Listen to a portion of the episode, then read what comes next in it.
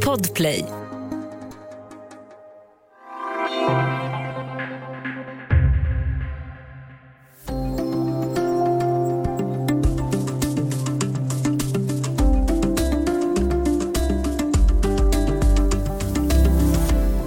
Stor svensk militäroperation bakom järnridån har blivit offentlig efter 63 år.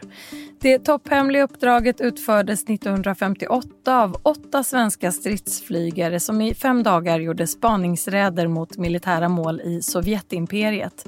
Vad hände och vad kan vi lära av historien idag? Välkommen till Studio DN med mig Ylke Holago.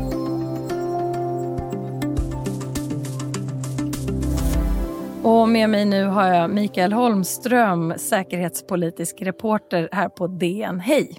Hej! Du har ju träffat flera av stridspiloterna och andra som var inblandade i den här hemliga militäroperationen. Vad var det mest överraskande i deras berättelse? Ja, det var ju att äntligen få bekräftat någonting som jag hade hört antydningar om i många år. Första gången någon gång 2004 att eh, Sverige hade varit inne på eh, sovjetiskt område och tagit bilder på med stridsflyg, fotograferat eh, sovjetiska hamnar och inte liksom från territorialvattengränsen utan man hade varit inne över det sovjetiska fastlandet och fotograferat hamnar. Och jag har ju frågat olika personer om detta eh, ja, i flera års tid. Eh, och eh, alltid fått undvikande svar och, eh, och här plötsligt så fanns de här nyckelpersonerna, de här stridsflygarna som i 20-årsåldern hade varit där och tagit de här bilderna. Hur fick du tag på dem? Ja, jag är med i Svensk flyghistorisk förening och där anmälde de att det hade kommit en skrift som hette Över gränsen och, och samma dag så som jag såg där så beställde jag den där och började ringa och få, försöka ta, få kontakt med de här personerna som fanns i den där skriften för att med, höra deras egna ord. Och varför var det så viktigt? Hur stor är den här händelsen eller det här avslöjandet?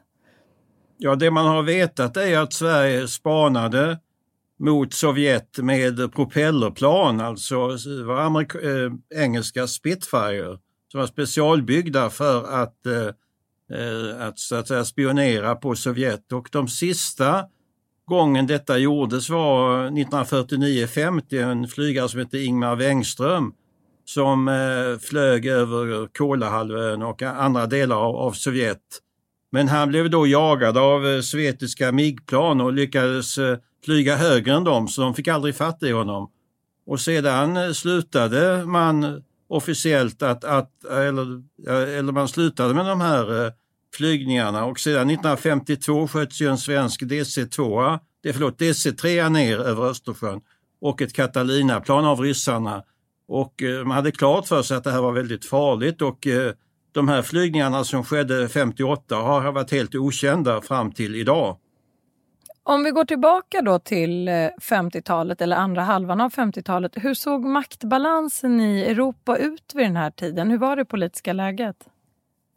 Ja, om man tittade på eh, österut så hade ju Stalin lagt under sig hela Östeuropa och eh, många tänker inte på att Östtysklands västra gräns, om man tar en linjal och lägger på kartan, så hamnar den linjalen, om man drar linjen uppåt mot Sverige, den hamnar då väster om Strömstad. Så vi hade så att säga Sovjet i söder och öster om oss och på andra sidan fanns ju då NATO-länderna som vi, eh, vi drev, bedrev ju officiellt neutralitetspolitik men det vet vi ju nu att det fanns informella kontakter med Norge, Danmark, Tyskland, Storbritannien och USA. Alla de länderna var med i NATO. Och mitt, mitt emellan då Sverige och Finland. Och vad innebar det här spänningsmässigt för Sverige? Ja, vi var ju frontlandet vid en konfrontation i norra Europa mellan eh, Sovjetunionen och eh, västmakterna så låg ju Sverige i frontlinjen mellan de här två blocken. Vi använder ju begreppet järnridån här. Eh, hur kom det uttrycket till och vad betyder det egentligen? Ja, det var ju Winston Churchill som eh, eh, myntade uttrycket i ett tal i Fulton i USA 1946 som jag minns rätt. Och det syftar ju på att eh, att eh, Sovjetimperiet blev ju ett stort fängelse där man låste in medborgarna och eh, mest tydligt är ju det i, i, Tysk, i det delade Tyskland där man har eh, taggtråd och minfält och vakttorn för att hindra medborgarna i, i arbetarparadiset DDR, Östtyskland, att lämna landet. Och eh, folk som försökte sköts ju ihjäl vid, vid gränsen. Och hur var Sveriges relation till eh, Sovjet vid den här tiden? Eh, Sverige var ju lite i, i, i det Sovjetblockets skugga kan man säga och man var, agerade väldigt försiktigt då officiellt med neutralitetspolitiken. Men samtidigt hade vi ju en värdegemenskap med västmakterna och eh, det fanns ju då ett, ett eh, hemligt samarbete västerut som blev känt först efter det kalla krigets slut. Om vi går tillbaks till då de här eh, spaningsuppdragen. Varför ville Sverige utföra den här typen av operation bakom järnridån? Ja, det var ju så att vid mitten av 50-talet hade, hade Sovjets upprustning tagit sån fart så att eh, man bedömde att vid en sovjetisk framstöt mot Västeuropa så skulle då Sverige ligga i vägen och eh, att det skulle komma någon form av invasion mot Sverige och då eh, med fartyg och flyg och så vidare. Och bästa sättet att stoppa en invasion det är ju att, att slå till i de här fartygens hamnar, hamnarna där, och flygfälten där de här eh, framförallt hamnarna där fartygen skulle lastas i och eh, de skulle gå mot Sverige. Och det vet vi också att det fanns sådana anfallsplaner eh, vid den här tiden som gick bland annat från Polen mot Sverige. Hur såg Sveriges möjligheter ut att försvara sig mot eh, Sovjetunionen? Eh, Sverige hade ju lärt sig läxan från andra världskriget när vi hade ett väldigt dåligt försvar och medan övriga Europa så att säga hade krigat sönder sina resurser så hade ju Sveriges försvar den styrka det skulle haft 1939, det fick det 1947 och eh, politikerna var ju väldigt brända av det här så att vi hade ju det svenska försvaret kunde med mobilisering eh, mobilisera 800 000 man. Eh, Sverige var jämfört med NATO-länderna runt omkring oss en fästning militärt sett. Det, Sverige var Skandinaviens och Nordens militära stormakt vid den här tiden. Mikael Holmström, du har ju för det här reportaget träffat bland andra stridspiloterna Jan Mattsson och Birger Östling. Båda pensionerade sedan länge, de är 84 år. Och på 50-talet så utförde de de här spaningsuppdragen. Varför ville de berätta sin historia för dig nu? Eh, jag tror att det är lite stolthet helt enkelt. Man gjorde någonting som Eh, var väldigt vågat och man lyckades genomföra en väldigt svår operation. Och eh, kalla kriget är ju över. De länder de flög emot, Estland, Lettland, Litauen, som då tillhörde Sovjetimperiet, är ju nu fria. Polen, som man också flög emot, eh, är med i Nato och Östtyskland finns inte utan är med i Tyskland som också är ett NATO-land. Så att det är en helt annan politisk eh, kontext vi pratar om. Och eh, det är ju de här som är, och någon till som är i livet. Om inte de hade berättat hade den här historien aldrig blivit känd. Och så här beskrev Jan Mattsson sin reaktion när han fick uppdraget av sina överordnade. Frågade Lundström som var vår divisionschef om det innebar att vi, vi eh, hade tillstånd och flygvapnets tillstånd och eh, stabens tillstånd att eh, kränka sovjetiskt territorialvatten. Eh, men det ville han inte svara på direkt utan han svarade indirekt genom att säga att jag vill ha väldigt bra bilder. Det är det enda som gäller. Och sen så blinkade han med sina ögon som, som han gjorde på sitt speciella sätt. Ja, du som är mångårig expert på försvarsfrågor och säkerhetspolitik, hur var det att höra de här berättelserna från Jan Mattsson och Birger Östling? Ja, det var ju väldigt fascinerande därför att eh, dels givetvis vad de berättade och om de eh, stora risker som fanns och eh, olika dramatiska händelser under de här spaningsuppdragen. Men också att de bekräftar någonting som jag själv beskrivit eh, tidigare, att eh, det allra mest hemliga, det skedde utan några papper, utan några uttryckliga order, utan det var underförstått. Därför att om någonting hade gått fel, då hade man ju ingen tagit ansvar för det här utan man hade skylt på eh, unga fältflygare som skulle ta bilder runt och flyga Gotland runt men hade navigerat fel. Efter pausen så pratar vi vidare om Sveriges relation till Sovjet på 50-talet.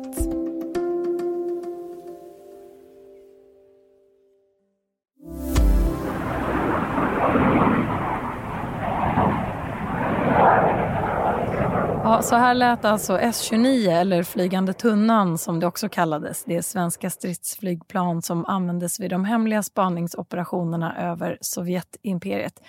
Mikael Holmström, säkerhetspolitisk reporter på DN. Du har skrivit ett reportage om hemliga svenska militära flygoperationer 1958. Och det här är operationer som nu har blivit offentliga och dina intervjupersoner berättar om flera incidenter då de har jagats av sovjetiska flygvapnet och fått motorproblem och varit nära att behöva nödlanda i Polen som då var en del av Sovjetimperiet. Om de här piloterna hade tillfångatagits, hur hade det hanterats av Sverige och Sovjet? Ja, för Sverige hade ju varit eh, väldigt eh, besvärande. Detta hände 1958 och året innan, 1957, så hade ju Sovjetunionen protesterat mot svensk spionage eh, mot Sovjet och det var ju då att eh, Sverige hade ju då den hemliga delen av, av Försvarsmaktens underrättelsetjänst, det som kallas T-kontoret, hade ju då sänt eh, balter i båtar, i snabbgående båtar över Östersjön eh, för att spionera och eh, de var då utrustade med amerikansk radioutrustning och tyska vapen från andra världskriget. Och eh, ryssarna protesterade mot det här och då avvisade ju Sverige detta som helt grundlöst. Och eh, där var kanske, där var utrikesdepartementet i, i god tro därför det här var en så hemlig operation så regeringen visste inte om det. Och eh, Sverige svarade ju till slut och då publicerade ryssarna ännu mer uppgifter och telefonnummer i Stockholm och så vidare som knöt de här hemliga operationerna till Sverige. Och då svarade Sverige precis som Ryssland brukar göra när man blir påkommen med spioneri. Man eh, nekade bara blankt. Men vad skulle ha hänt med piloterna om de skulle ha tillfångatagits? Ja, de hade väl hamnat i, i fångenskap. Möjligen om det fanns eh, eh, Sovjetmedborgare i Sverige som var satt inne för spioneri och, eller var misstänkta, då hade man möjligen kunnat göra en utväxling eh, som ju skedde med, med den amerikanske eh, piloten Gary Power som blev nedskjuten över Sovjet några år senare i, i sitt spaningsplan. Så hur såg man från politiskt håll på den aktivitet som flygvapnet ägnade sig åt där? Ja, det var ju så att officiellt bedrev ju neutralitetspolitik som man sa alliansfrihet i fred syftande till neutralitet i krig. Och det var ju också en linje som de flesta eh, ministrar i regeringen ställde sig bakom.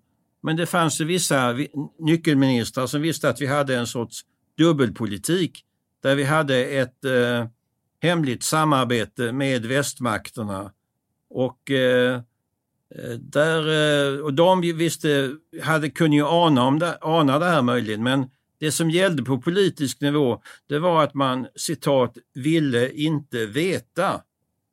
Eh, därför att om man inte visste någonting och det hände, hände misstag som eh, eh, till exempel ett haveri eh, över sovjetiskt eller polskt eller östtyskt område, då kunde man ju då eh, fullt sanningsenligt säga att, att det här kände vi inte till och det här är en en enskild individ som navigerat fel och så vidare.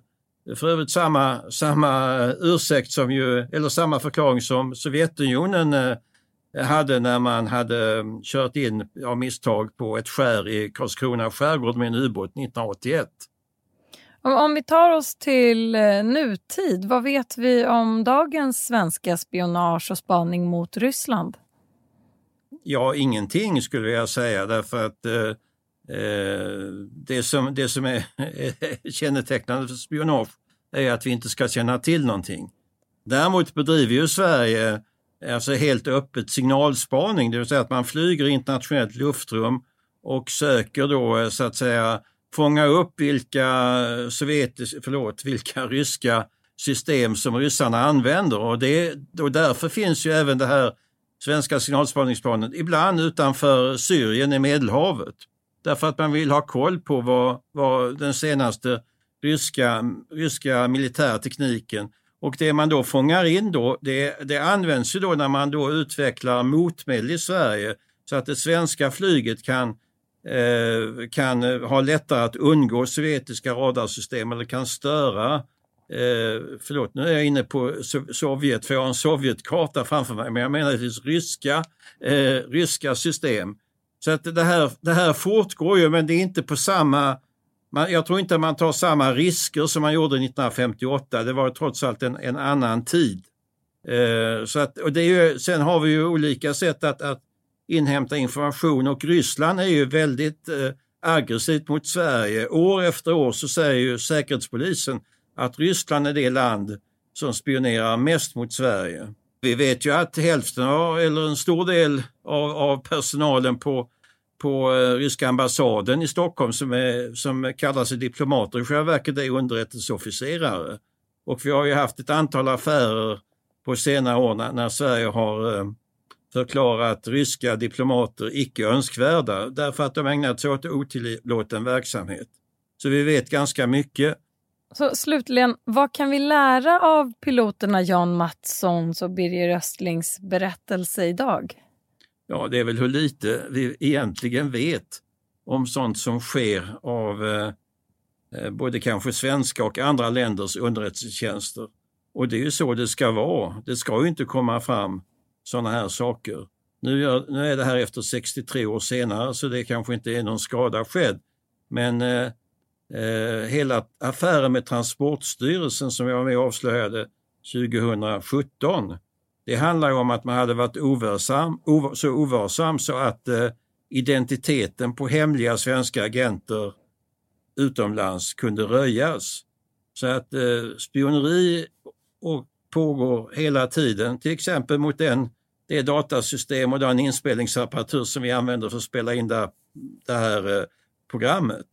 Så att vi, det pågår hela tiden runt omkring oss. Jag brukar säga eh, man ska inte bli paranoid men man ska inte heller bli naiv. Tack Mikael Holmström, säkerhetspolitisk reporter här på DN.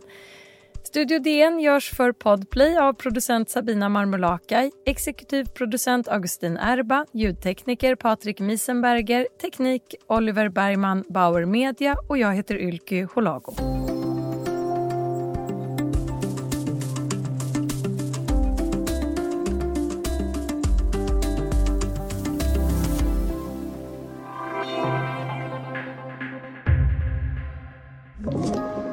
Podplay.